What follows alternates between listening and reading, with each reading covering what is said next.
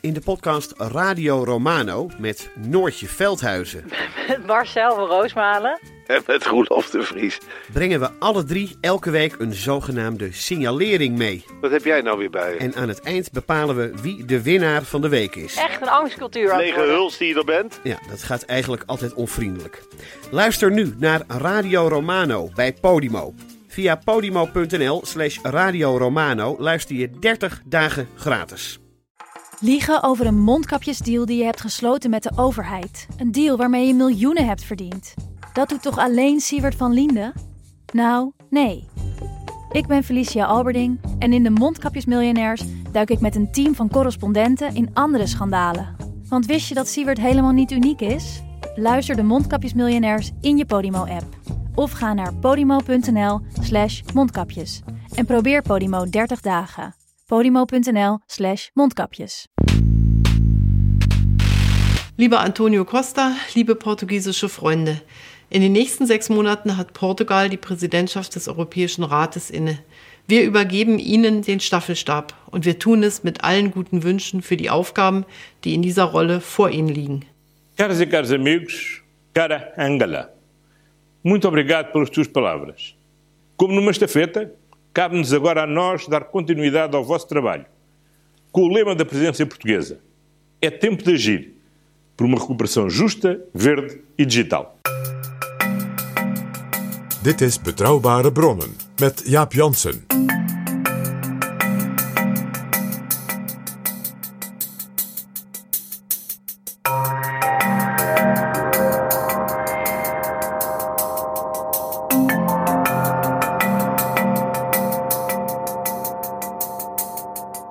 Hallo, welkom in Betrouwbare Bronnen 158, de eerste van 2021. En iedereen die dit hoort wens ik een gelukkig nieuwjaar. En ook PG.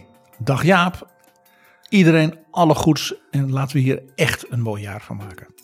Op onze site Vriend van de Show hebben we onder de vrienden vijf exemplaren verloot van het nieuwe boek van PG, Tand destijds, het CDA in de nieuwe eeuw. In een paar dagen melden 33 mensen zich om mee te dingen, zelfs uit Londen en Montreal. De gelukkigen zijn Michiel Goos uit Baarle-Nassau, Gefeliciteerd Michiel.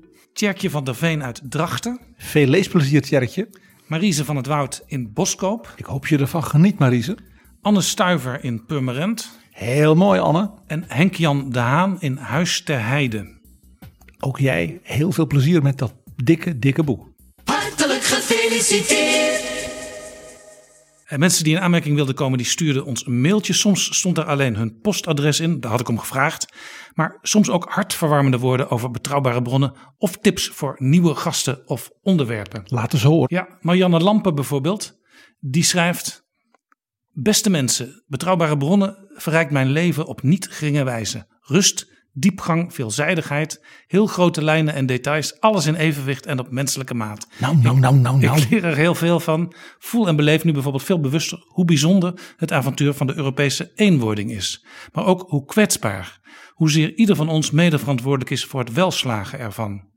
Word ik in beslag genomen door dagelijkse zorgen, dan helpt luisteren naar een van jullie, soms ook oudere afleveringen, om ook mijn zorgen weer in de juiste proporties te zien en te beleven. Heel veel dank aan jullie voor dit alles. En goddank kwam de mogelijkheid om te schenken, wat ik dan ook onmiddellijk en van harte deed. Dankjewel, Marianne Lampen. En zo'n tip. Ja, een tip. Guillermo Garcia Nelen uit Londen, die zou wel eens wat meer willen weten over de naoorlogse politiek van Zuid-Europa. En dan denkt hij met name aan Griekenland, Italië, Spanje en Portugal en hun intrede in Europa. Nou Jaap, eh, Guillermo wordt ten eerste meteen in dit nieuwe jaar al een beetje op zijn wenken bediend. Ja, in deze aflevering al. Andere suggestie, ook van Guillermo, die ik ook wel goed vond. Meer afleveringen over China. De afleveringen tot nu toe waren fantastisch, maar het is inderdaad alweer een tijdje geleden, China. Ja, Guillermo doet mij daar ook weer een enorm plezier mee. Eh, ook door de, nou ja, de eerdere afleveringen, ook met mijn eigen herinneringen aan China. En Jaap, eh, het is dit jaar, 2021, eh, natuurlijk ook een beetje een jubileumjaar van de culturele revolutie van Mao van 1966. Dus misschien zouden we rondom dat hele thema van wat we ook in andere situaties toch nog wel eens bes- bespreken. Namelijk de, de, de zeg maar, de radicalisering en het heel on, ongeremd worden van machtuitoefening daarbij, zou je ook daar in dat opzicht nog eens naar de culturele revolutie en na Mao kunnen kijken. Ja, en overigens, Ties Dams, die bij ons uh, te gast is geweest over China, die maakt inmiddels zelf ook uh, podcasts over China. En ik zal er in de beschrijving van deze aflevering uh, naar verwijzen. Dat was Guillermo Garcia Nelen. Bedankt Guillermo en al die anderen voor dit soort hele ja, inspirerende gedachten en suggesties. Ja, hij heeft trouwens een heleboel suggesties. Eentje, die wil ik nog even noemen, PG. Nieuwe vormen van democratie en vertegenwoordiging. Bijvoorbeeld de deliberatieve democratie, al voel ik PG's ogen hier al bij rollen. Uh, dat heeft hij niet slecht aangevoeld. Maar ga jij niet binnenkort iets doen met Van Mierlo? Nou, daar zit dan meer dan genoeg in, toch? Zeker. Van Mierlo komt binnenkort aan de orde in Betrouwbare Bronnen. Jurian van de Kamp, die kon zich nog goed herinneren waar hij liep toen PG vertelde dat hij een journalist als grap ooit naar Ubach over Worms stuurde toen hij werkte in de Tweede Kamer. Op dat moment, schrijft Jurian, liep ik over de Groenstraat in, jawel hoor, Ubach over Worms. De voorbijrijdende ruiters keken mij bevreemd aan toen ik al lachend tot stilstand kwam. En ik denk dat ook hij dat klooster van de zusters Clarissen daar niet heeft gevonden. En dan hebben we ook nog, uh, ook, ja, vind ik toch altijd heel leuk als het uit uh, verre streken komt, een reactie. Luc Rijsenweber uit Montreal. Bij lange autoreizen hier in Canada komen deze uren informatiestrekking mooi van pas en ik blijf prima op de hoogte van ontwikkelingen in Nederland en Europa. Betrouwbare bronnen is erg belangrijk in een tijd waarin nieuwsrapportage en journalistiek in het algemeen helaas qua kwaliteit erg afbrokkelen. Nou, dan tot slot nog eventjes een voorbeeld hoe het vaak gaat, hoe mensen vaak op betrouwbare bronnen komen. Naar aanleiding van een tip van mijn jonge neef Tom, die politicologie studeert, schrijft Mark Bezem. Hij adviseerde mij eens naar dit bijzondere duo te luisteren. En in plaats van naar BNR en Radio 1 stemde ik in 2020 onderweg ook veelvuldig op betrouwbare bronnen af. In één woord schrijft Mark Bezem voortreffelijk. En ook hij is donateur en dus ook vriend van de show geworden. Nou ja, zo en dan zeg ik, dus... en, Jaap, en dan zeg ik daar nog iets bij. Dankjewel Tom. Ja, Tom en Mark. Zo komen er dus heel veel mailtjes binnen en daar zijn we heel dankbaar voor. En uh, in het nieuwjaar zal ik ook af en toe wat van die suggesties laten klinken, want uh, dat is alleen maar mooi. Reageren kan via vriend van de show, als je uh, volger wordt en ook donateur. En dan kan ook iedereen meelezen, dat is groot voordeel. En als je heel privé iets wil vertellen, dan kan dat natuurlijk ook altijd via betrouwbare bronnen, apenstaart, en nacht.nl. De mail. Dit is Betrouwbare Bronnen. PG, waar gaan we het in deze aflevering over hebben? Jaap, wij gaan uh, een traditie die wij in gang hebben gezet in de loop van het vorig jaar voortzetten. We hebben nu tot twee keer toe aan het begin van een nieuw voorzitterschap van de Europese Unie, het land dat dat half jaar als het ware de leiding heeft van alle ministerraden en alle bijeenkomsten, uh, wat geportretteerd, zijn plek binnen de EU, de historie van zo'n land, ook de politieke cultuur, de, ook de historische achtergronden van die cultuur. En daarbij ook vooruitkijkend wat gaat in dat half jaar gebeuren. En wat zijn dingen die zeg maar, voor dat land een echt kenmerk zijn. Van, je zal zien dat zij als voorzitter zich bijvoorbeeld zeer gaan inspannen voor dit thema. Of dit dilemma. Of de politiek leider van dat land die heeft een heel duidelijk soort bijna hobby of prioriteit. En dat zullen we gaan herkennen. Dus gaan we het nu hebben over voorzitter Portugal.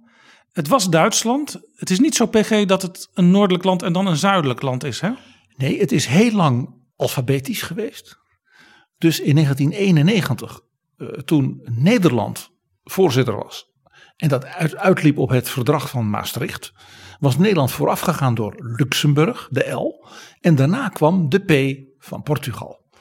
En in mijn werk toen in Brussel uh, rondom het verdrag van Maastricht heb ik dus heel veel mogen doen, ik zeg ook echt mogen doen, met de collega's uit Portugal, die het als het ware van Nederland gingen overnemen zodra dat verdrag van Maastricht klaar was. En al het afhaken van de verfijnde dingetjes, de lastige dingen, conflicten die nog niet helemaal waren beslecht. Heel veel dus belangrijk, minder spectaculair, maar essentieel werk is toen gedaan door de Portugezen. Ja, het alfabetische volgorde. Uh, de suggestie klonk dat dat nu niet meer zo is. Dat is nu niet meer zo. Door de enorme uitbreiding van de Europese Unie maakt men nu groepen van landen die bijvoorbeeld wat groter, wat kleiner, eh, Oost, West, Noord, Zuid en landen met veel ervaring, landen met minder ervaring. Dus we hadden nu het trojka, zoals dat heet, hè, van drie landen die het samen doen. Kroatië, Duitsland, Portugal. En nu hebben we de trojka Duitsland, Portugal, Slovenië. Ja, wel in die zin nog op volgorde, maar wel gegroepeerd op Maar je volgorde. herkent dus drie landen met in dat nieuwe Europa van nu heel verschillende profielen. Dus een groot land, een van de oprichters. Een ervaren land dat er een tijd geleden bij kwam, maar het al, al vaak en heel veel met Europa heeft gedaan. En een kleiner land uit het oosten, voor wie het voorzitterschap zijn en dat hele trojka gebeuren nieuw is. Kroatië deed het eh, voor het eerst, een jaar geleden. Ja, zullen we eerst even PG kijken naar de politieke kleur van Portugal? Want dan, dan hebben we meteen een soort vergelijkingsbasis. Wat ik zelf heel interessant vind, eh, er zijn op 24 januari presidentsverkiezingen. Er zit een eh, president van de Christen-Democraten. Ja, president Marcelo Rebelo de Sousa. En die partij, die Christen-Democratische partij, dat vind ik ook heel interessant. Die heet eh, Sociaal-Democratische Partij. Ehm, de partij van de premier, dat is de Socialistische Partij. En dat is weer heel erg de Partij van de Arbeid, zeg maar in Nederland, zoals we die kennen. Ja, premier, premier Costa. Premier eh, Antonio Costa. premier Antonio Costa is een klassieke, zouden wij zeggen, sociaaldemocraat. Eh, heeft een regering met nog wat kleinere linksere partijen. Eh, maar het interessante is, je hebt dus een, een staatshoofd, een president van zeg maar, zeg maar ja, midden, middenpartij, christendemocratisch. En een premier van een ook midden-links partij.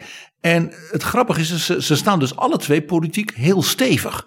Dus het is, eh, Portugal is ook eh, opmerkelijk, dat is ook, benadrukken ze ook. Wij zijn een land van pro-Europees consensus, samenwerken. Hè, waarbij links en rechts eh, Ja. elkaar ook opzoekt. En dus die beide leidersfiguren, alle twee dus hooglijk gewaardeerd worden. En het parlement, stevig staan. het parlement ziet er ook een klein beetje uit zoals het Nederlandse parlement er heel lang heeft uitgezien. eh, toen er nog echt grote partijen waren in Nederland. Want die socialistische partij van de premier, die heeft op het moment van de 230 zetels 108 zetels. En met dus inderdaad wat kleinere coalitiegenoten zijn ze er. Ja, en, die- en, en, belangrijk Jaap, eh, als je naar, kijkt naar de peilingen in eh, Portugal al heel lang, dan zie je dus dat premier Costa hooglijk gewaardeerd wordt. Hij zit dus in de 30% met zijn peilingen. Nou, dat zijn getallen die we in Nederland nog uit de tijd van Lubbers kenden, of eh, Joop den Uyl. En de christendemocratische oppositiepartij, die ook vaak de premier leverde en dus nu ook de president, die zit op zeg maar 6, 27%. Ja, en die heeft, eh, waar de socialisten 108 zetels hebben, hebben die christendemocraten 79 zetels. Dat zit er niet eens zo heel erg ver vandaan. En als je die bij elkaar optelt, dan blijven er dus in het parlement niet eens zoveel zetels over voor andere partijen. Want er is bijvoorbeeld ook nog een groene partij, er is nog een communistische partij. Liberalen, die zich zo noemen, die zijn heel klein.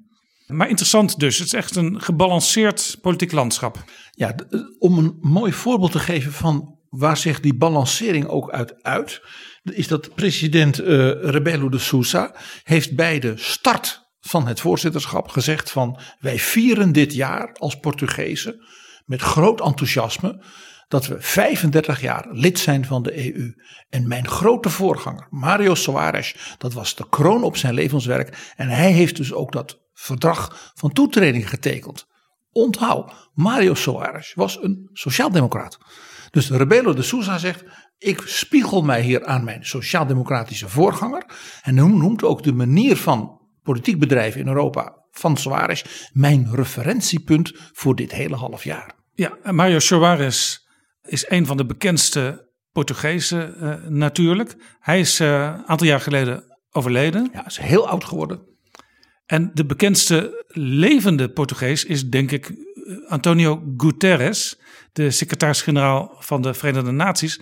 Ik heb ook een peiling gezien eh, waar hij ook als populairste eh, voormalige president eh, naar voren kwam, gevolgd door Mario Soares. Ja, wat je hier dus ook ziet, dat is dus een stukje van die politieke cultuur in Portugal. Uh, het is dus een land dat ook zo'n secretaris-generaal kan leveren. Door die consensuscultuur, samenwerken. Wij zouden zeggen polderend. Waarbij dus ook een christendemocratische president zijn sociaal-democratische voorganger dus eert. en zelfs zegt hij is een beetje mijn benchmark voor hoe we dat goed doen. Dat is ook te merken aan de zeer actuele politiek. De presidentsverkiezingen zijn 24 januari. Nou, waar in andere landen de presidentsverkiezingen nog wel eens leiden tot gedoe, om zijn term te laten vallen. Uh, het is dus voor de Portugezen helemaal geen probleem dat in de eerste weken van dat voorzitterschap, als er de aandacht nationaal politiek is, is voor de presidentsverkiezingen. Want de peilingen zijn eigenlijk wel vermakelijk. Uh, president Rebello staat voor zijn tweede termijn van vijf jaar nu op 64% van de stemmen. En dan is er een, geloof ik, een generaal van rechts en een hele linkse vakbondsman. Die zitten alle twee op 9 of 11 procent. Ja, en is het bewust dat de socialisten van de premier geen tegenkandidaat in het veld brengen? Dat is dus heel bewust. Eh, er is dus wel een linkse kandidaat. En de socialisten zeggen ook van. En als jullie daarop willen stemmen, dan moet je dat vooral zelf weten. Maar wij gaan geen campagne voeren voor bijvoorbeeld onze eigen kandidaat. Wij zien uh, een herverkiezing van president de met vertrouwen tegemoet en wij gaan daar geen nummer van maken. En daar is een mooi voorbeeld van. De herverkiezing van Mario Suarez als president ging precies zo. Maar toen waren het de Christendemocraten die zeiden: wij gaan echt geen tegenkandidaat en een nummer met in alle stadions uh, gaan we niet doen. Nou, toen was er een heel behoudende figuur, denk ik, uit de anti-abortusbeweging of zo, die dan toch kandidaat was. Nou, dat was ook prima. dat, Portugal is daar ook een heel democratisch land in. Maar ja, die campagne van Mario Soares, eh, doordat ik eh, bevriend was met zijn vrouw, heb ik daar ook iets van meegekregen via haar toen. Dat was een beetje, ja, zij zei, het is wel leuk, maar ze zei, ja, we hebben dus zes bijeenkomsten of zoiets in grote stadions. En ja, dan komt heel de schooljeugd en vooral studenten en jongeren. En dan worden we enorm toegejuicht. En ze zingen. En ja, mijn man houdt een toespraak, maar een campagne vond ze het eigenlijk niet. Het was meer een soort nationaal festival. En dat is nu bij president Rebelo de Sousa opnieuw het geval. Ja. Dus ook daarin is, hij, is Soares een beetje zijn voorbeeld. Hoe verklaar je dat, dat stabiele beeld van dat land? Want als je naar de andere vergelijkbare zuidelijke landen kijkt. Spanje was toch een beetje een rommelig beeld de afgelopen jaren. Italië is natuurlijk al heel lang best wel ingewikkeld uh, hoe het daar gaat. Eh, in Griekenland zijn natuurlijk ook wat schokken geweest uh, de afgelopen decennia. Ja, Portugal heeft dus altijd een hele eigen aard gehad, eigen karakteristiek als land. wat hier speelt is toch dat de Portugezen altijd zichzelf hebben gezien als aan de ene kant een land met een enorme wereldwijde blik. Maar ook beseffend, we zitten aan dat randje van Europa. We zijn letterlijk marge. We hebben die hele grote machtige buur Spanje. Evenlang natuurlijk altijd een soort wereldmonarchie. Uh, en ze, ze, ze zijn niet dol op de Spanjaarden, om het even maar zo te zeggen. Ook een beetje trots op hun heel eigen, ook bijzondere kunst en cultuur. En dat heeft dus dat land aan de ene kant heel open gemaakt. En aan de andere kant ook nuchter. Van ja, als we niet samenwerken. Wij zouden zeggen, als we niet polderen. Nou, dan gaan we eraan. Je hoort wel eens weer mannen op televisie zeggen. Het Iberische schier, schiereiland. En dan volgt uh, de weersverwachting. Maar dat horen ze in Portugal liever niet, die term. Uh, nou ja, ze liggen op dat schiereiland. Maar zij zijn uh, echt het randje. om een voorbeeld te geven, iets waar de Portugezen heel trots op zijn. Uh, ik, dus de, mevrouw Suarez heeft mij gewoon een keer letterlijk met haar auto meegenomen. Want dat moest je gezien hebben als Nederlander. Raad is wat. Uh, de grens met Spanje? nee, een rots. uurtje rijden vanuit Lissabon. En dat is een rots, de Cabo de Roca. En dat is de meest westelijke punt van het Europese continent. Dat is nog westelijker dan Cornwall zo ver zit dat in de Atlantische Oceaan. En dat zegt iets van de Portugezen. Ze zijn er dus trots op dat zij het meest ver van Europa naar de wereld wijzen. En dat is dus iets heel eigens van de Portugezen. Het is dus een Atlantisch land. Zeker. Uh, Nederland beschouwt zich ook vaak als een Atlantisch gericht land. En we hebben er ook moeite mee dat de Britten uit de Europese Unie vertrokken zijn. Want daar voeren we ons toch iets eenzamer. Geldt het ook voor de Portugezen? Hebben, vinden die het ook jammer dat de Britten weg zijn? Uh, ja, tussen de Britten en de Portugezen is er iets heel bijzonders in de geschiedenis. eh, ergens in de, nou volgens mij 14e, begin 15e eeuw, hebben de, zeg maar, de koningen van Portugal en van Engeland eh, besloten een vredesverdrag te tekenen van samenwerking en respect voor elkaar. En ook bijvoorbeeld elkaars zeg maar, visserij erkennen en niet dwars zitten en dat soort dingen. Eh, en dat werd een soort eeuwige alliantie. En dat verdrag dat geldt tot de dag van vandaag. Het is het oudste, nooit onderbroken vredesverdrag, zeg maar alliantie tussen twee landen in de Europese geschiedenis. Nou kun je dat soms ook sluiten, zo'n verdrag, omdat je belangen blijkbaar ver genoeg van elkaar verschillen.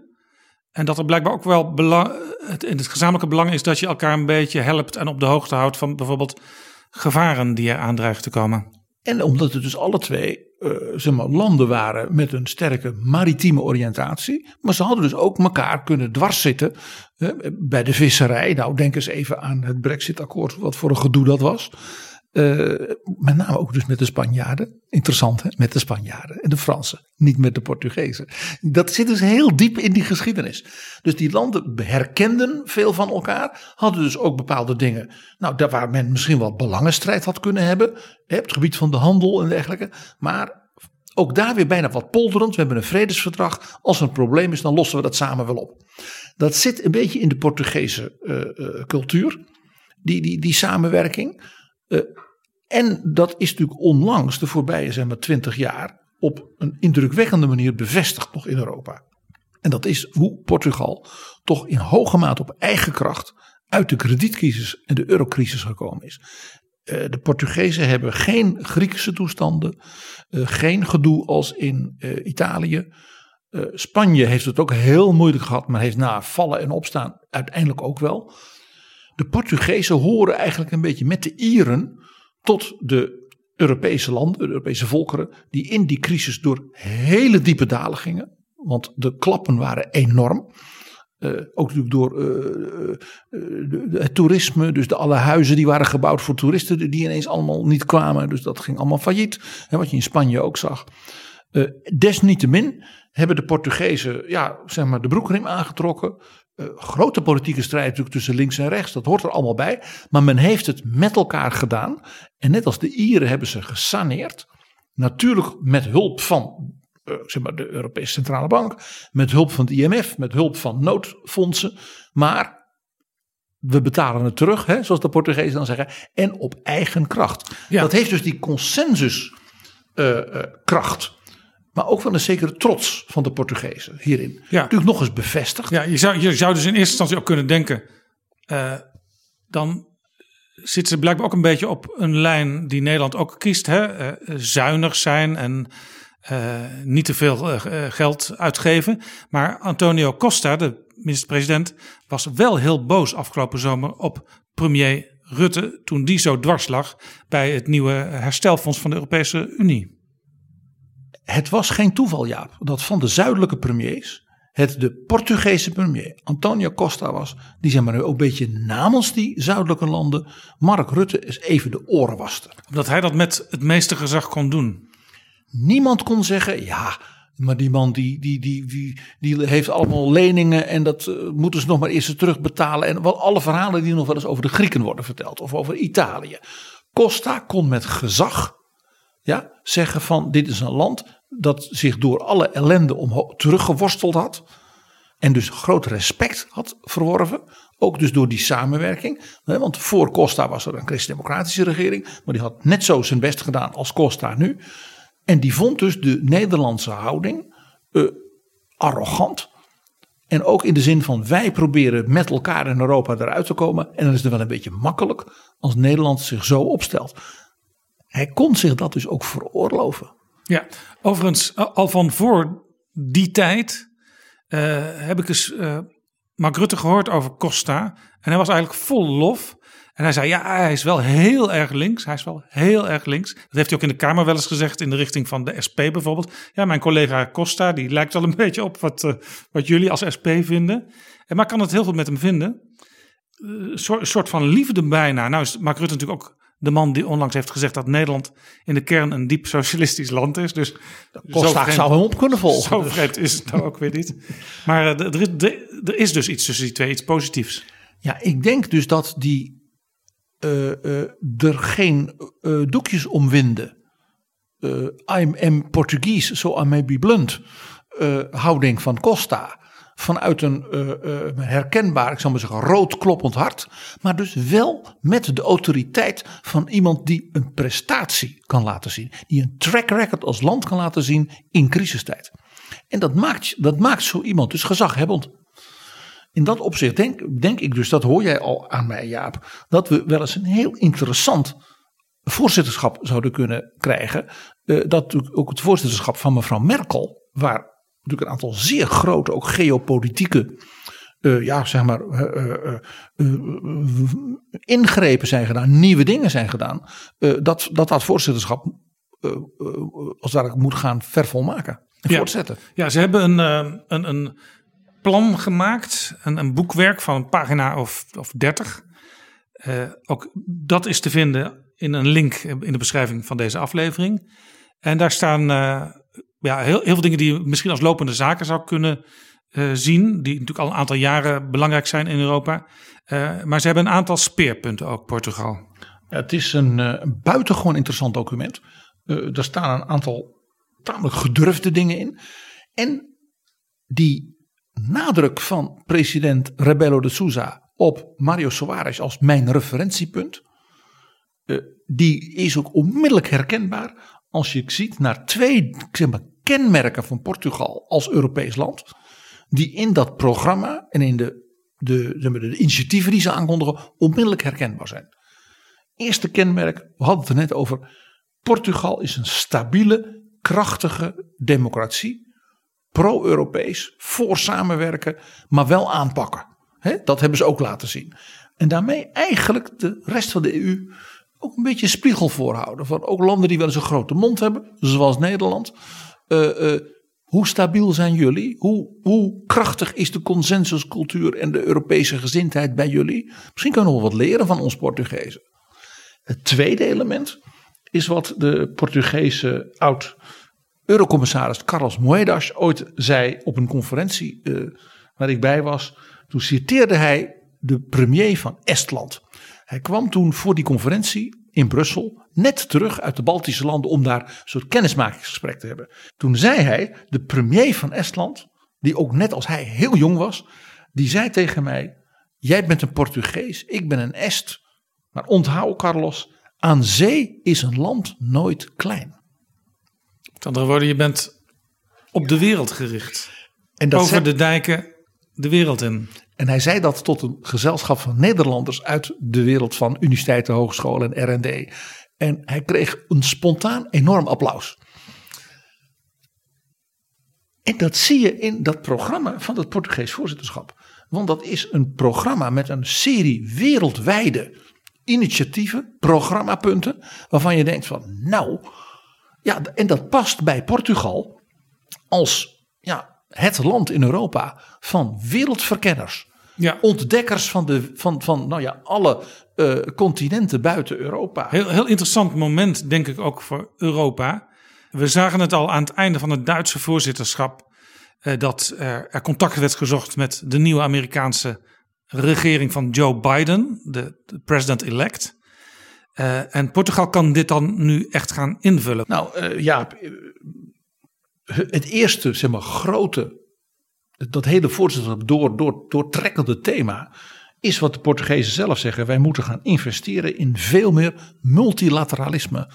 En daarbij als Europa niet alleen maar eh, praten en hè, mooie voornemens, maar hele duidelijke keuzes maken. En dan ook zeggen, als we dit dus wereldwijd willen, dan gaan we dat dus met die en die en die zo doen. Dus niet alleen maar, ik zeg het wat onaardig, op internationale conferenties de vlag hijsen en nobele woorden eh, wisselen. Ook dat is wel een beetje Portugees. Hè? Je gaat op zo'n bootje, je gaat de wereldzeeën op, maar het is wel de bedoeling dat je daarna dan handel gaat drijven met die mensen. Ja, dus initiatieven nemen en ook partnerschappen sluiten. Ja, en daar dus ook nuchter in zijn. Ze ook zeggen van wat kan ik bij jou kopen? Wat kan jij van mij kopen? De Portugezen zijn in dat opzicht ook een beetje zoals de Hollanders. Een mercantiel maritiem land. Dit is Betrouwbare Bronnen, een podcast met betrouwbare bronnen.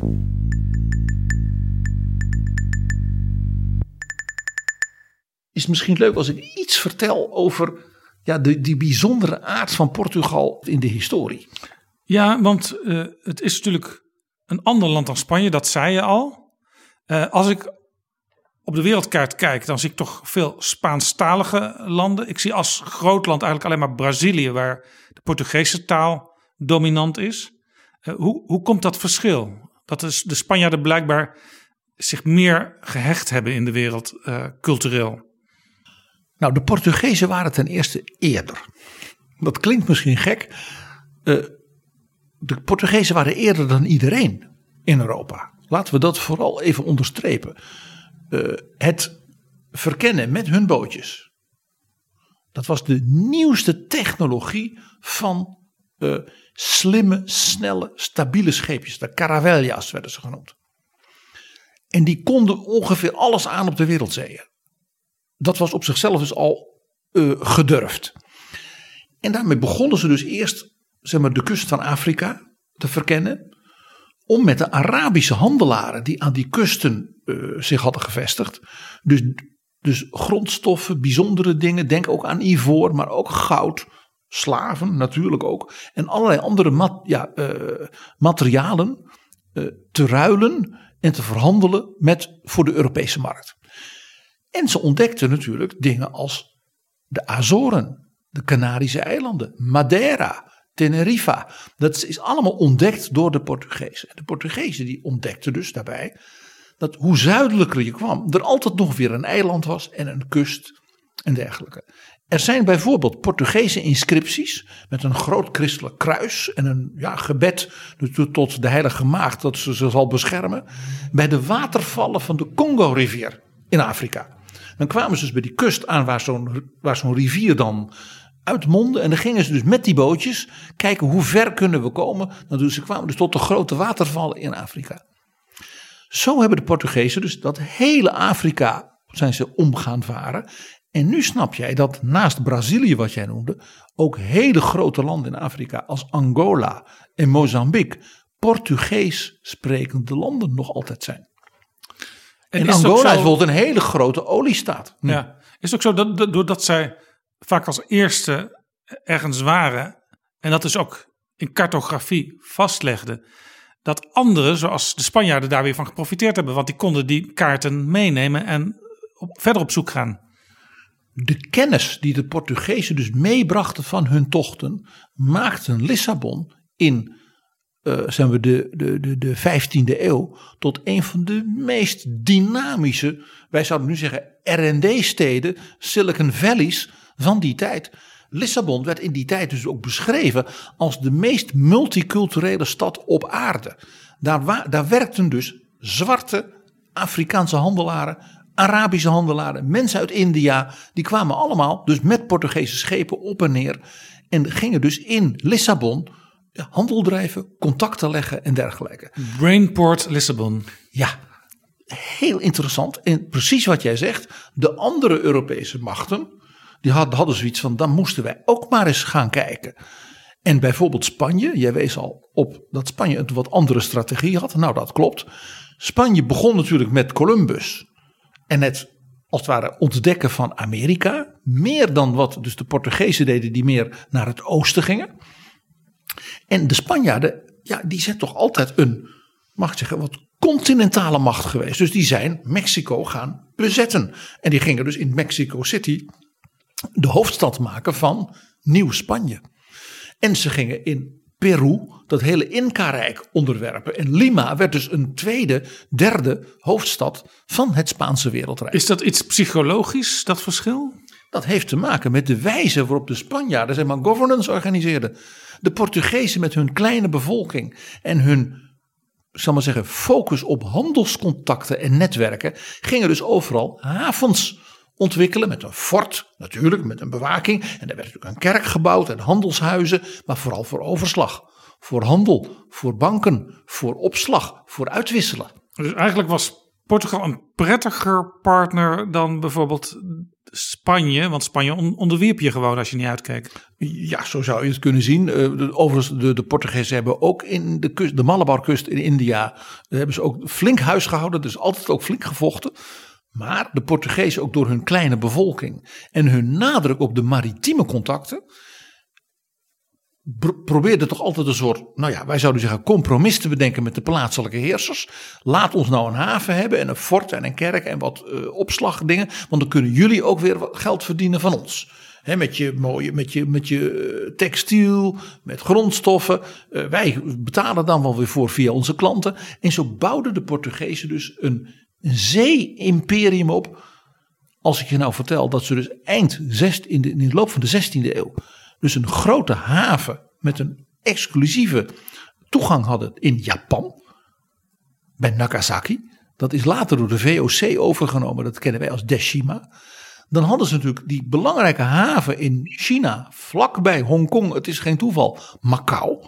Dat was dus de allereerste Europese handelsplek in China. Dat is nu Hongkong, daar is die enorme miljoenenstad van Deng Xiaoping, dat Shenzhen. Dat is allemaal dus in feite ontstaan door de inspiratie, zou je kunnen zeggen, van de Portugezen in Macau. Dan had je natuurlijk de Molukken, dat is later ook door de VOC van hen afgepakt. Maar dat hebben zij ontwikkeld. En natuurlijk de Malabarkust, dus het zuiden van India. Dan hebben ze ook nog havens gehad in wat we nu kennen als Muscat. Nou, je hoort het al. Daar werd dus de Mokka, komt daar vandaan. Dus voor de handel met de Perzische golf. Dan heel Afrika, die kust van Afrika, hadden ze allemaal havens. Dus je ziet, het was een wereldomspannend imperium. Plus dus die kust van Brazilië. Wat in de 18e, 19e eeuw dus ook echt een soort imperiale een soort nationale staat werd. Maar toen was eigenlijk Brazilië al min of meer onafhankelijk van Portugal. Maar je ziet hier dus, het was een, vooral een, wij zouden nu zeggen, een heel modern netwerk van handelscontacten. Met informatie, ook met kennis. Ja, en dus bijzondere producten. Uh, uh, en waarbij men dus over de hele wereld uh, netwerken had. Is dit een beetje vergelijkbaar met hoe, zoals de Britten het gedaan hebben? Nou, de Britten hebben inderdaad net als de VOC, heeft dus de East India Company, het woord zegt het al, uh, uh, ook als compagnie, dus niet als leger, ja, die zo'n netwerk ontwikkelt. Het Britse imperium, zoals wij dat kennen uit de 19e eeuw, hè, van koningin Victoria en zo, is dan ook echt iets van de 19e eeuw. Het zeg maar, gaan beheersen van India, hè, wat toch de parel in de kroon was, dat is iets van de late 18e eeuw pas. En de 19e eeuw, net als dus de VOC, Java en insulinde in feite pas in de 19e eeuw echt helemaal als het ware aan zich ging onderwerpen en exploiteren. Dus het Portugese model is in zeker opzicht het oermodel van dus de Europese expansie in de vorm van een netwerk van contacten met volkeren in heel de wereld. Ja, een klein land dus, met in die tijd, ik weet niet hoeveel miljoen inwoners, maar het zijn er tegenwoordig 10 eh, miljoen, dacht ik. Ga uit van anderhalf. Ja. Zoiets. Net als de Republiek uh, ja, van, van, van, van onze Gouden Eeuw anderhalf, maximaal 2 miljoen inwoners had. Ongelooflijk. En dus wat de Portugezen dus ook deden, was iedereen uit Europa en uit andere werelddelen, die dus naar Lissabon wilden komen, contacten onderhouden, handel drijven, die waren dus welkom. Dat was iets wat je natuurlijk in het Amsterdam van de 17e eeuw, hè, die, dat beeld van hè, de Portugese Joden en dergelijke. Waarom kwamen die? Omdat die door de Spaanse overheersing van Portugal in die tijd werden de Joden verdreven. Dat was omdat Spanje toen een tijd lang door een dynastiek conflict hebben ze in feite Portugal ingenomen. Door Philips II is dat geweest. Koning van ons, altijd geëerd. En dat heeft ertoe geleid dat er dus uh, vervolgingen ontstonden. En dus de Portugese Joden, die dus rijk waren, hoog ontwikkeld, handelscontact hadden. Je snapt nu waarom. Dus naar Amsterdam gingen. Dan, dan zeg je natuurlijk, dan weet ik nog iets. Dat hadden ze dus daarvoor in Lissabon zelf al en in Porto. En dat werd dus blijkbaar aanvaard. Inderdaad. Dus die openheid, dat wereldwijde. Ja, ze zochten eigenlijk naar een, een cultureel verwant land. Ja, Waar ze dus ook weer diezelfde manier van handel drijven, contacten, uh, kennis delen, uh, cartografie, hè, de atlassen van blauw. Uh, Amsterdam werd natuurlijk het nieuwe Lissabon. En dus, wat die Estse premier zei, ja, dat had een Portugees als Carlos Moedas en die Nederlanders in die zaal, hè, die hij toesprak, onmiddellijk aansprak. Aan zee is een land nooit klein. Ja, dan, dan zeg je van ja, dat, dat, dat past helemaal dus bij het beeld, de historie en de cultuur van Portugal. Zoals het ook een beetje bij dus Nederland en onze Baltische vrienden in Europa hoort. Ja. Als we nu kijken naar eh, hun agenda bij het Portugese voorzitterschap. Wat zeggen zij dan over die internationale gerichtheid? Nou, ik ga letterlijk voorlezen, want die formulering staat niet voor niks in het begin. Zij definiëren de positie en de rol van de Europese Unie, hè, die ze dus het komend half jaar eh, gaan leiden, als volgt. De EU zien wij als a global player whose leadership is needed in all areas and topics of the international agenda. All areas and topics. Dus niet zoals sommigen in Nederland zeggen, markt en munt alleen. Heel nadrukkelijk, zij onderstrepen dus dat thema van Ursula von der Leyen, een geopolitiek Europa. Waarbij de commissie van von der Leyen ook zegt, wij moeten dus altijd kijken naar uh, wat betekent wat wij als Europa ontwikkelen voor de positie en onze relaties met die wereldmachten, die players elders in de wereld. Uh, inclusief dus ook de Defensie-Unie. Uh, nou ja, waar wij het onder andere onlangs met Ank Bijleveld over hadden. En die natuurlijk heel nadrukkelijk wordt aangejaagd ook door bijvoorbeeld Emmanuel Macron. Dus de Portugezen pakken dat thema helemaal meteen bij de lurven. Nou, dan snap je al, dat doen ze niet zomaar. En dan een echt Portugees soort conclusie daaruit. Ze hebben gezegd: wij organiseren in mei 2021 in Porto, de grote havenstad, een Europese top. Met premier Modi van India. Ja, dat is natuurlijk vanuit de historie gezien alleen al herkenbaar. Hè? Portugal dat met zijn schepen als eerste in India vanuit Europa aankwam. En dus die relatie met India vanuit de handel, de cultuur. Dus al vanaf, nou ja, zeg maar 1480 ja, is gaan ontwikkelen en eeuwen heeft uitgebouwd. dus India en Portugal, dat heeft iets met elkaar. Ja, de Europese Unie heeft net een uh, nieuw verdrag gesloten met China. Maar dit is dus een uh, vingerwijzing van Chinezen. Let op, wij zien jullie niet als enige partner in Azië. Er is in Azië nog een tweede land met meer dan een miljard mensen. Met ruimteraketten, uh, met een atoombom. Ja? En een land dat ook een grote toekomst heeft ja, op het wereldtoneel. Uh, oftewel, het is niet alleen maar meneer Xi. Dus het accent van het Duitse voorzitterschap op wij willen met China een aantal wezenlijke akkoorden sluiten, wat gelukt is. Daarvan zeggen de Portugezen prima, dat zullen we ook wel verder invullen. Daar zal nog in het Europese parlement nog behoorlijk over geknokt gaan worden, over dat verdrag met China overigens, voorspel ik maar. Maar wij Portugezen openen, net als in vroeger eeuwen, het venster ook naar India. Dat is minstens zo belangrijk, vinden wij. En er zit nog iets in. Dit is natuurlijk een zeer scherp signaal van Europa naar de Britten. De Britten hebben gezegd: Brexit, wij kunnen zonder dat Europa, want we hebben de Commonwealth. Wij gaan natuurlijk met India en met Australië allemaal akkoorden sluiten. Die zijn veel beter dan we met Europa kunnen. Premier Modi heeft de Britten zeer pijnlijk al aan Theresa May laten weten: van nou ja, het liefste doe ik het met Europa als geheel. Uh, dus dat heeft bij mij voorrang. Ja. En als de Britten ook iets willen, nou ja, sluit dan daar achteraan. Ja. En hij had ook nog bij de Britten een aantal extra pijnlijke eisen. Dus dat de Portugezen als oudste vrienden zeg maar, van India hè, in Europa nu zeggen: wij gaan als Europa via Portugal met Modi proberen ja, een fundamentele dialoog te openen is ook een gebaar dus naar de, naar de Britten. Van weet wat je mist. Extra terug voor de Britten, want hun andere internationale partner, de Verenigde Staten, heeft bij monden van Joe Biden ook al laten weten.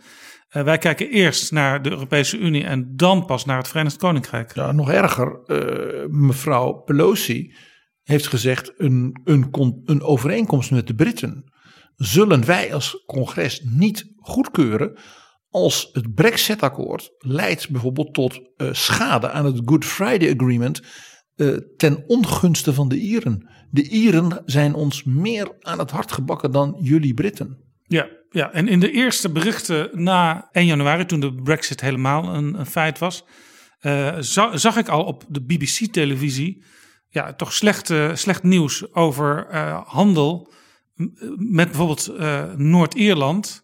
Want dat ging allemaal niet gesmeerd. Eh, dus dan maakt de, de, zeg maar, de kritische blik van de Amerikanen op dat punt alleen maar scherper. En ik moet je ook nog vertellen, ik had twee truien besteld al eind december. En daar kreeg ik een mailtje van. Ik zat te wachten, komen die dingen nog? Of zijn ze het vergeten of zo? Moet ik geld gaan Ze moesten ze nog breien. En toen kreeg ik een bericht vanwege de brexit zijn de leveringen uitgesteld. Ja, als je ook bij die Britten dat gaat bestellen, Jaap, dat is je eigen Dat wist ik niet eens. Ik ga gewoon globaal, ik bestel iets bij een ergens in Nederland. En het moet blijkbaar uit eh, het VK komen. Moeten ze die schapen daar nog scheren? Ja, dat we zijn weer terug in de 15e eeuw daarmee. Nou, eh, dat punt overigens van wat jij aanstipte van de Verenigde Staten, dat staat met zeer krachtige termen ook in dat eh, Portugese plan. Ik lees voor: A renewed agenda with the incoming US administration. En hoe wordt dus Biden genoemd?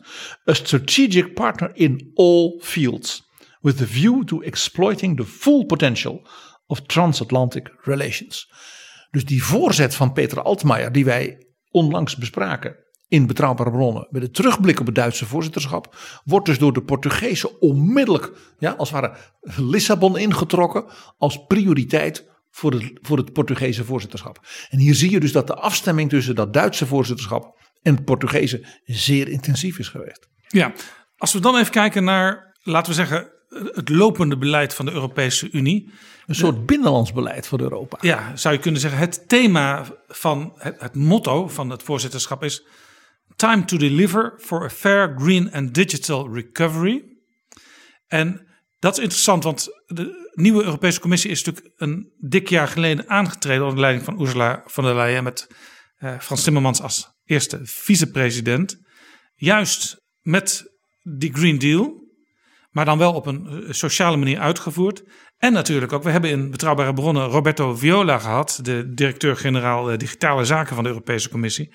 Eh, het digitale aspect ook heel belangrijk. Dus die drie dingen, fair, green en digital recovery. Recovery natuurlijk vanwege de financiële en economische crisis als resultaat van de coronacrisis.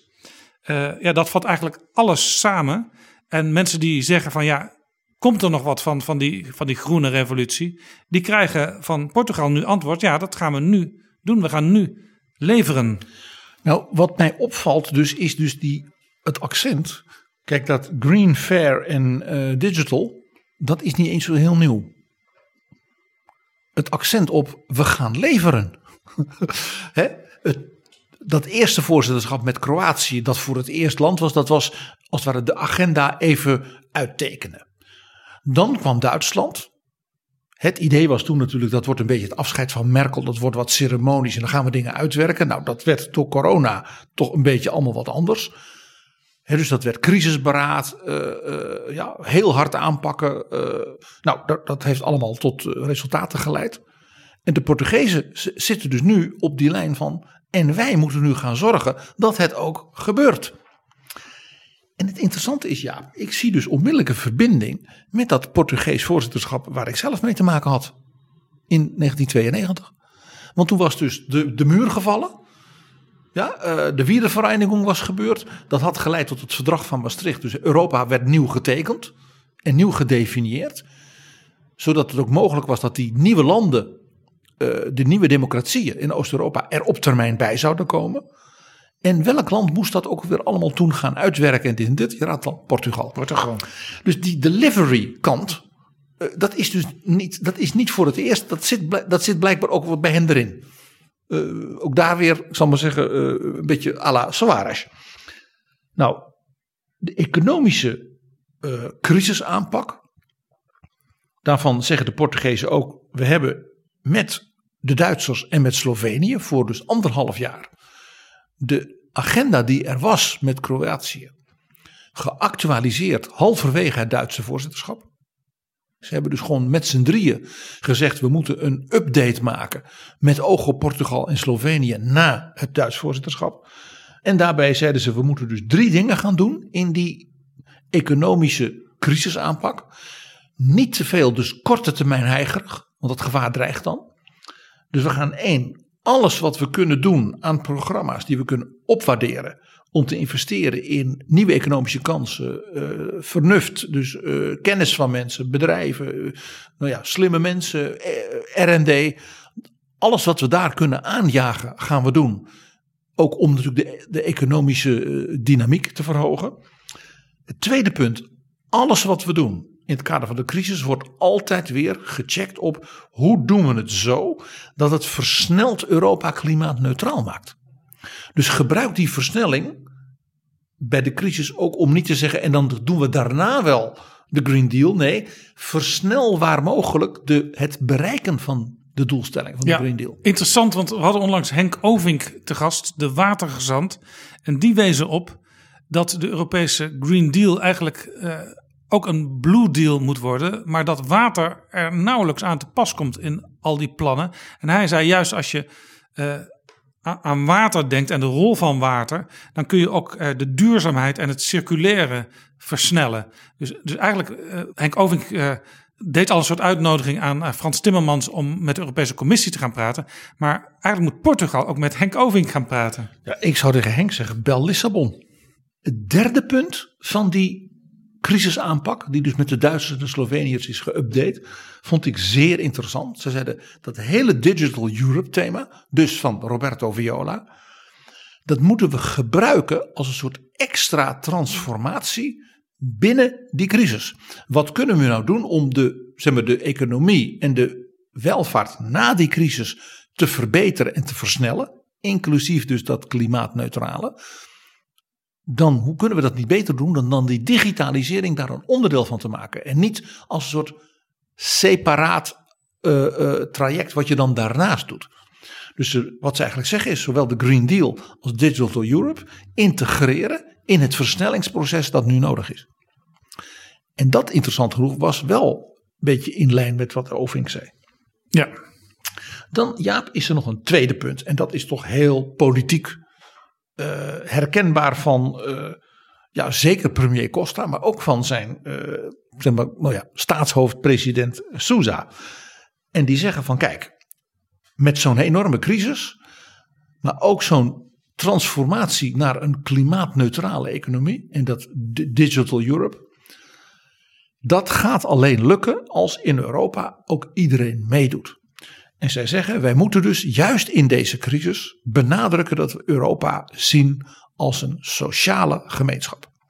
En dat heet de zogenaamde sociale pijler van de Europese Unie en de interne markt.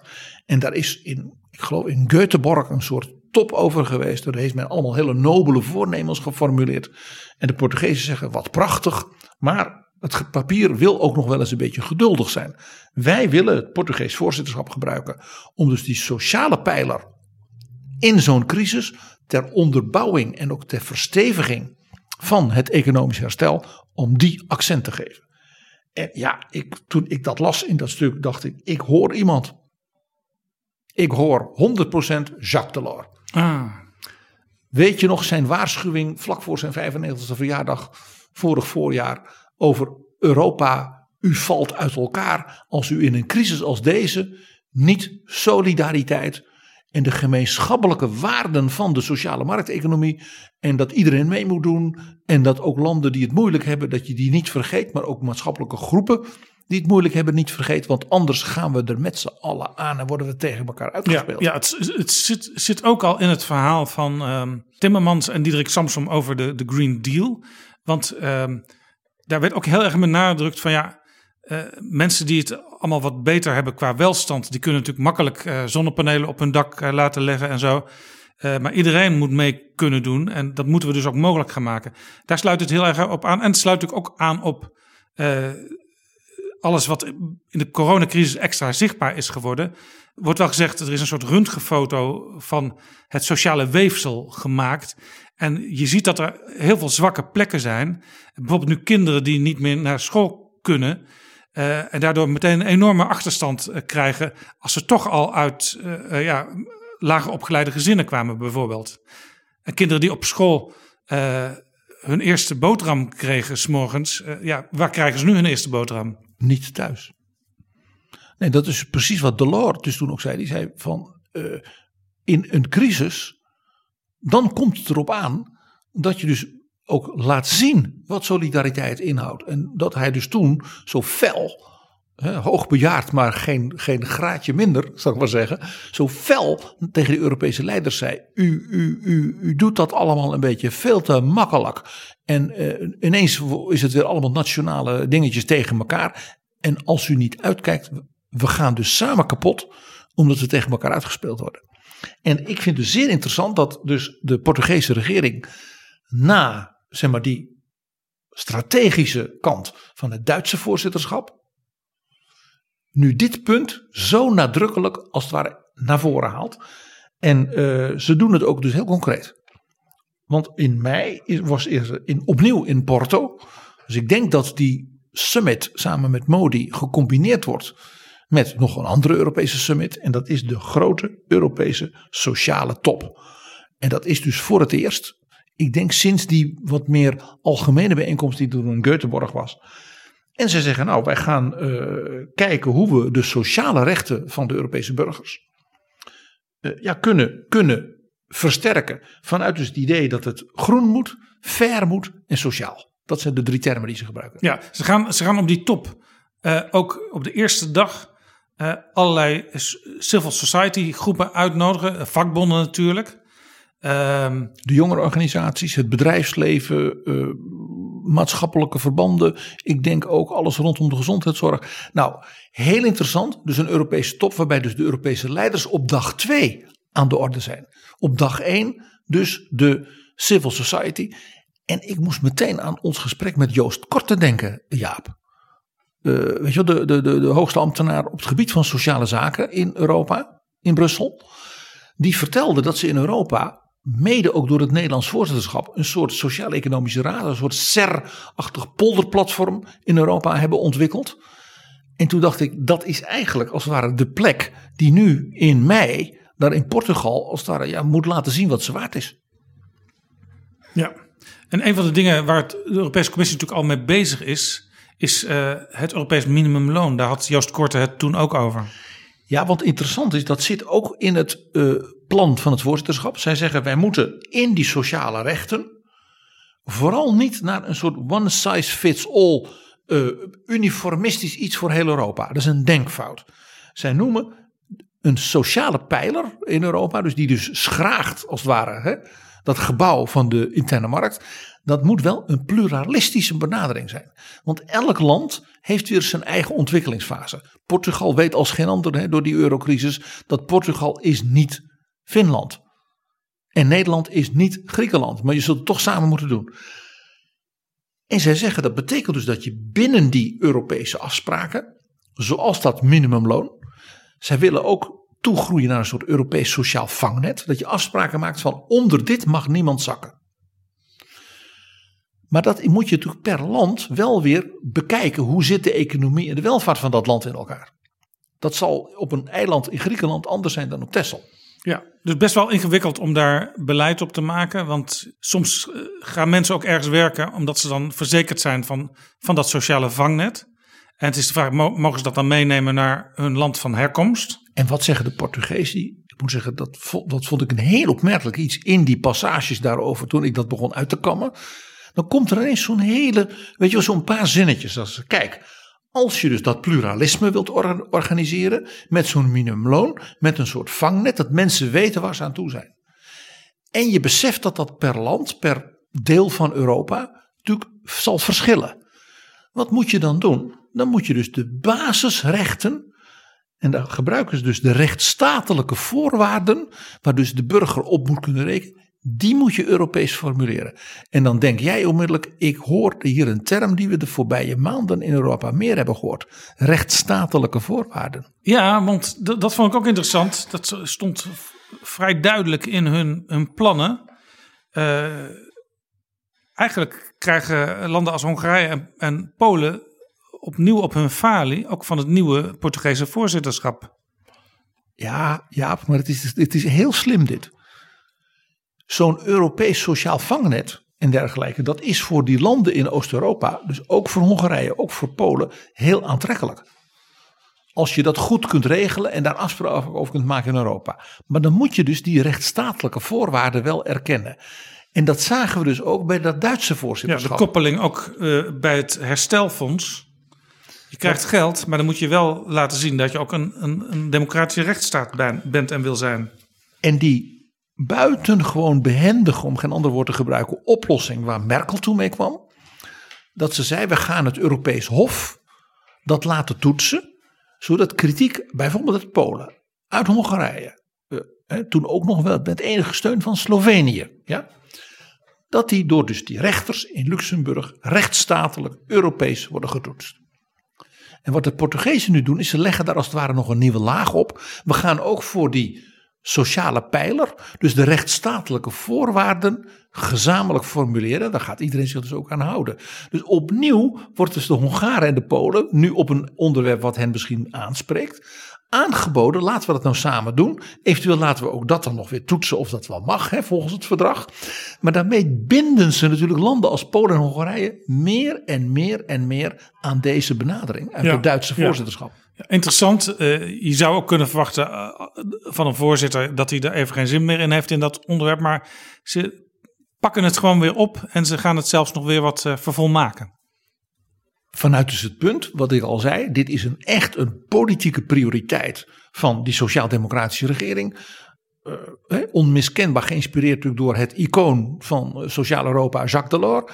En ook dus die, zeg maar, die, die, die president uit de katholiek-sociale hoek.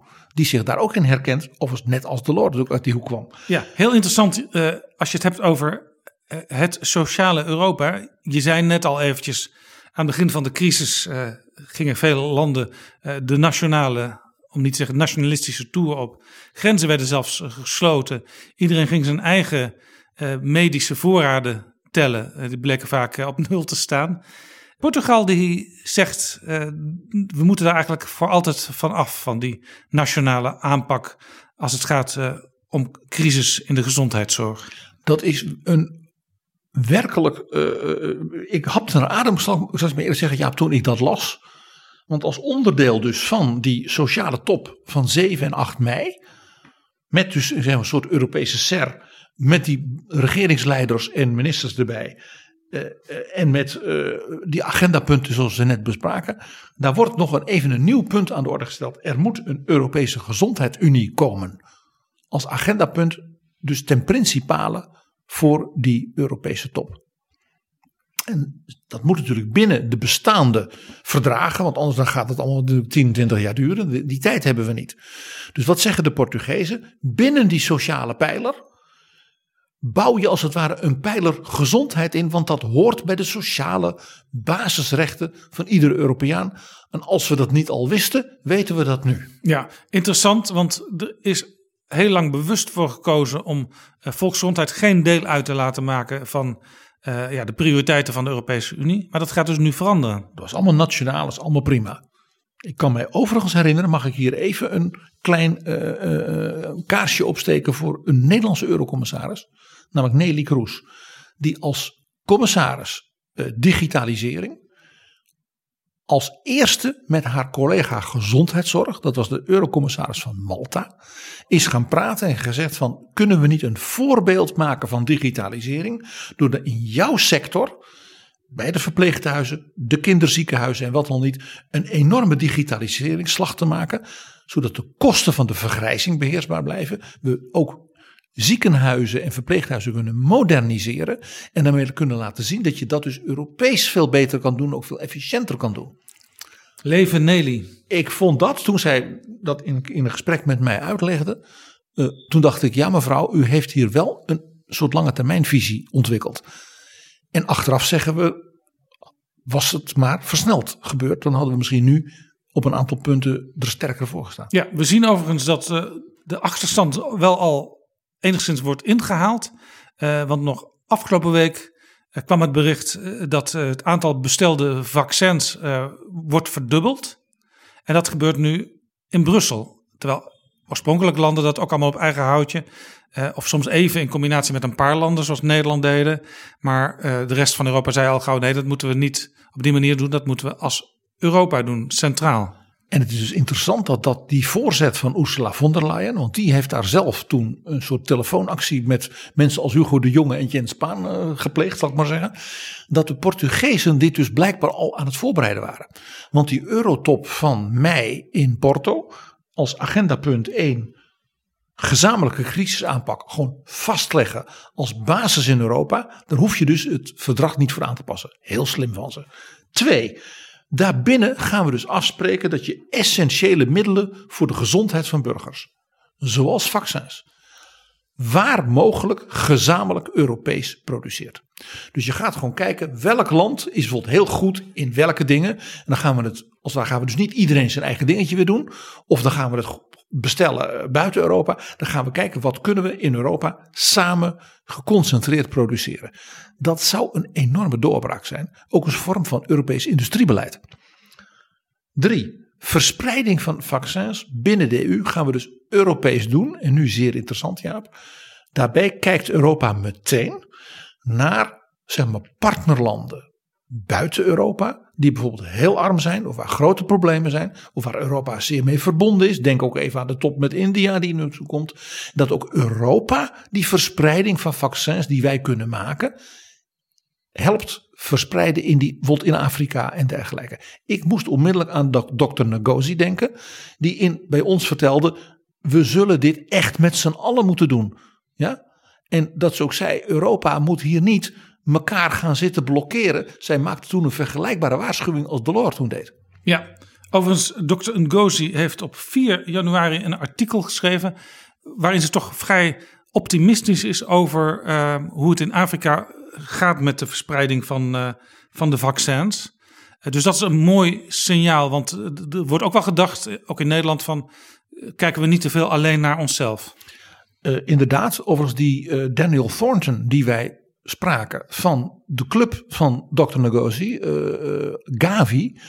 Daarvan heb ik heel recent gezien uh, de nieuwste stand die vanuit Gavi van zeg maar, de besmettingen en alles wat zij doen met vaccins, dat de ontwikkeling in Afrika eigenlijk heel positief is vergeleken bij bijvoorbeeld met wat heel ernstig is, is Latijns-Amerika. Ja. Nou, dat is voor Portugal met natuurlijk zijn hele bijzondere banden met Brazilië uh, en ook, ook, ook met Afrika dus een belangrijk thema. Dat zit dus nu al in dus die eurotop van mei. Interessant, dacht ik wel. Dan vaccinatie, zeggen ze, dat moet je in Europa ook als in die sociale pijler gewoon met elkaar afspreken. Vaccinatie is een universele aanpak. Dus dat doe je voor elke Europeaan.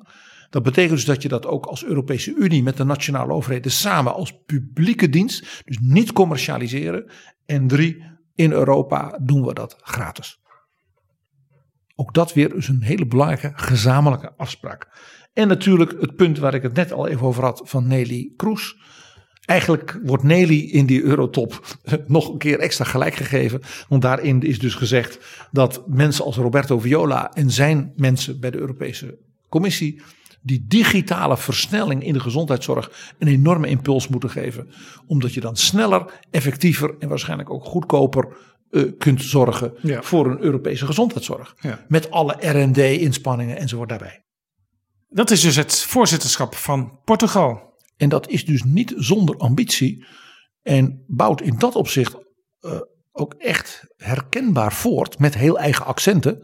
Hè? India, het sociale, uh, uh, op het Duitse voorzitterschap. Ook weer een, een bewijs dat uh, de Europese Unie niet alleen Brussel is. Hè, want dat hoor je vaak als klacht. Ja, Brussel dit en Brussel dat. Het is in dit geval ook gewoon Lissabon. Zeer nadrukkelijk, zoals het het voorbije half jaar ook nadrukkelijk Berlijn was. En natuurlijk, Jaap, het was ook nog heel even Londen. Ja, in de laatste dagen nog van het afgelopen voorbije jaar. En je zou natuurlijk verwachten dat een van de hoofdpunten van dat Portugese voorzitterschap was. Ja, wat doen we nu met Brexit? En de Portugezen hebben toch die eeuwenoude vriendschapsband met Engeland en zo. Nou, uh, ik zat te kijken in dat, dat document van de Portugezen en ik maar zoeken. Ja, nou was natuurlijk het document al geschreven voordat het handelsverdrag rond was, wat er toch uiteindelijk nog kwam. Ja, dus eventuele teksten over is nog niks en we moeten dat zijn dus allemaal op laatste moment geschrapt.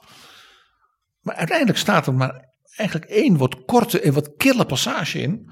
Dat heet lastly, dus als laatste punt bij hun zeg maar, to-do-list. En dat is, uh, nou ja, er zijn nog wat gevolgen en nog wat af te hechten, uh, weet je wel, uh, puntjes hier en daar van Brexit. En nou, de Portugezen zullen dat ook wel op zich nemen. En dat was het dan. Ja.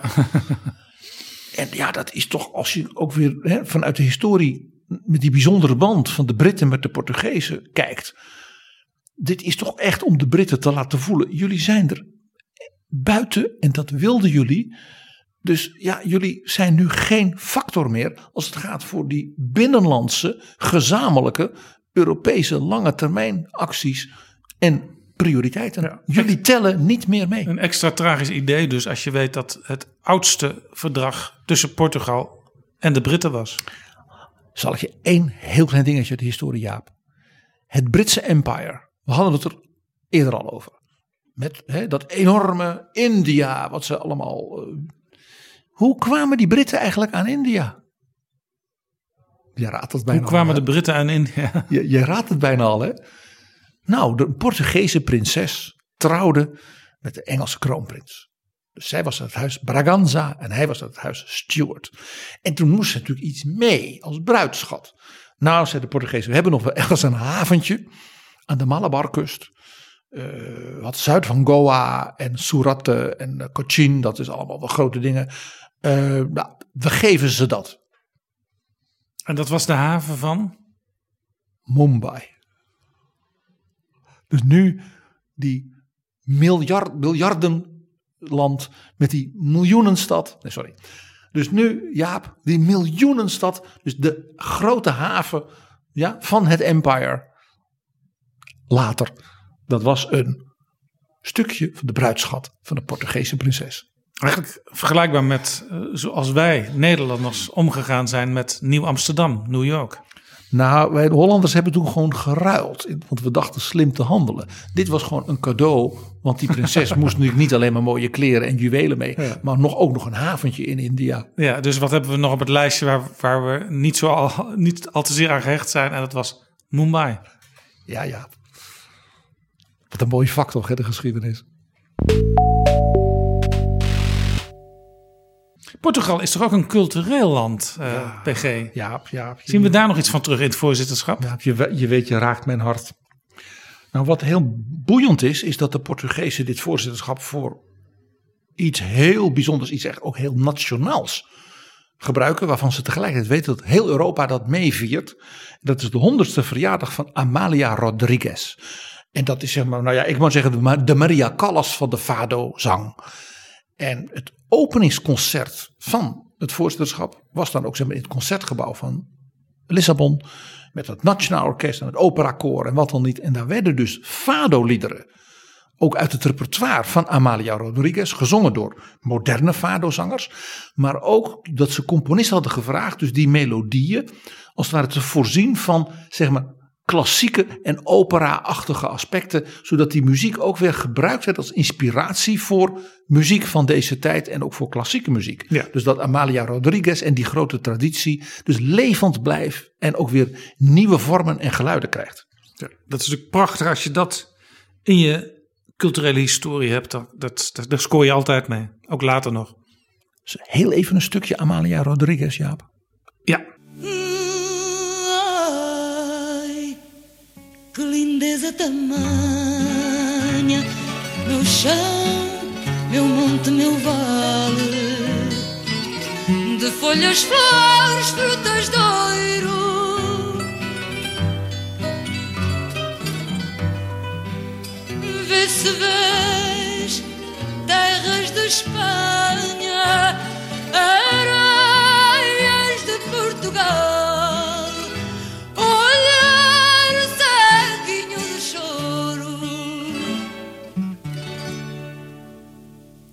Dat was Amalia Rodriguez. Wie ik, herkent haar niet? Ik zei al de Maria Callas van de Fado. En je voelt hem al aankomen, Jaap. Er is iets tussen Lissabon, Portugal en Maria Callas.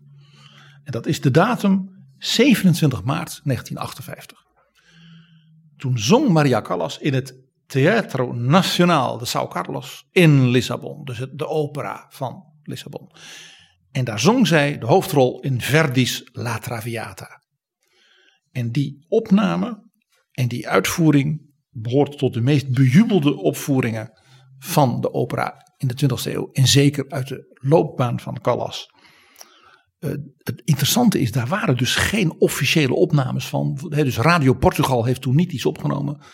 Maar er zijn allerlei liefhebbers die dus met uh, zeg maar bandrecorders en wat dan niet opnames hebben gemaakt. En de uh, platenmaatschappij EMI heeft vele jaren later de allerbeste van die opnames als het ware opgekocht. Ja, want het werd wel uitgezonden op de radio en je kon het dus als je de apparatuur had thuis opnemen. Ja, en ze hebben dat dus helemaal opgeschoond. En daar zijn dus een aantal versies van de Traviata uit Lissabon van maart 58. De een heeft mooier geluid dan de ander. Maar die staat bekend als de allerbeste uitvoering in door Maria Callas in op de toppen van haar stem. In 1958 was die nog helemaal in goed. En ze had in de jaren daarvoor, 55, 56, die rol van Violetta, de hoofdpersoon, door haar ja, belangrijkste inspirator als regisseur, Lucchino Visconti, heel beroemd ook als filmregisseur, in de Scala in Milaan als het ware uitgediept. Zij was voor hem weer zijn grote muze. Dus die twee hebben die opera als het ware helemaal samen doorleefd. En toen ze dus zeg maar, na een jaar of ja, twee jaar later in Lissabon die rol weer uitvoerde en op de toppen van haar kunnen was, toen zei ook iedereen, toen was ze helemaal als het ware in die rol. Dus de manier waarop ze het toen gezongen heeft en die opnames geldt dus als de, nou ja, de holy grail, zoals het wordt genoemd, van dus de kunst van de operazang en van Maria Callas. En daar kwam nog iets bij. En ja, daar stop ik. Ze had bovendien als haar geliefde Alfredo een jonge tenor, die ook nog Alfredo heette, Alfredo Kraus. Die begon toen aan zijn carrière. En tussen die twee, nou je hoort het vanaf de eerste noot, dat heb je met kunstenaars. Een soort chemie ook die twee stemmen die zich mengden, maar ook zeg maar zij als actrice en hij als jonge, ja, dynamische acteur, want dat was hij ook zijn hele carrière. Daar, nou ja, ze, ze stegen beide boven zichzelf uit. Dus het is zo bijzonder. De Lissabon Traviata, er is zelfs een toneelstuk naar vernoemd. Laten we gaan de luisteren. Lissabon Traviata is dus een begrip voor alle opera-liefhebbers. Waar gaan we naar luisteren? Wij gaan luisteren naar het slot van het eerste bedrijf. Alfredo heeft bekend dat hij houdt van Violetta. En zij lacht een beetje om hem. Maar wil niet aan hem laten blijken dat zij weet dat ze hem beter wat kan afpoeieren. Want ze is stervende aan TBC. Maar dan hoort ze hem buiten voor haar raam. Ach ja, wat een romantiek. Hoort ze nog een keer zijn stem. Hij zingt nog een keer tot haar. En dan zingt ze de prachtige aria, folie, folie, dwaasheid, dwaasheid. Ben je nou helemaal gek tegen zichzelf? En al haar energie komt er dus uit op dat moment. En dan geeft ze toe, dan denkt ze nog één keer de liefde dan. Dat is dus het slot, die aria van dat eerste bedrijf. Gezongen door Maria Callas. Met dus haar inspirerende jonge tenor Alfredo Kraus in Lissabon. In dit werk van Verdi.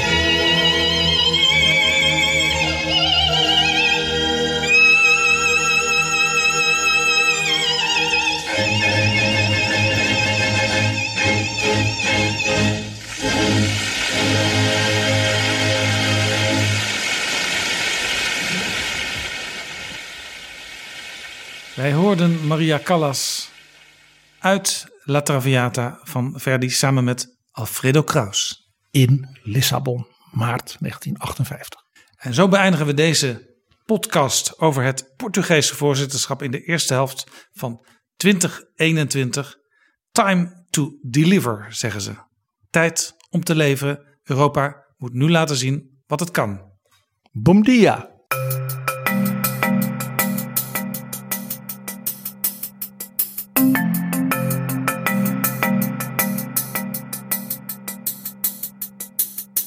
Zo, dit was Betrouwbare Bronnen aflevering 158. De eerste van 2021. Deze aflevering is mede mogelijk gemaakt door het Europees Parlement. Tot de volgende keer. Betrouwbare bronnen wordt gemaakt door Jaap Jansen in samenwerking met dag en nacht.nl.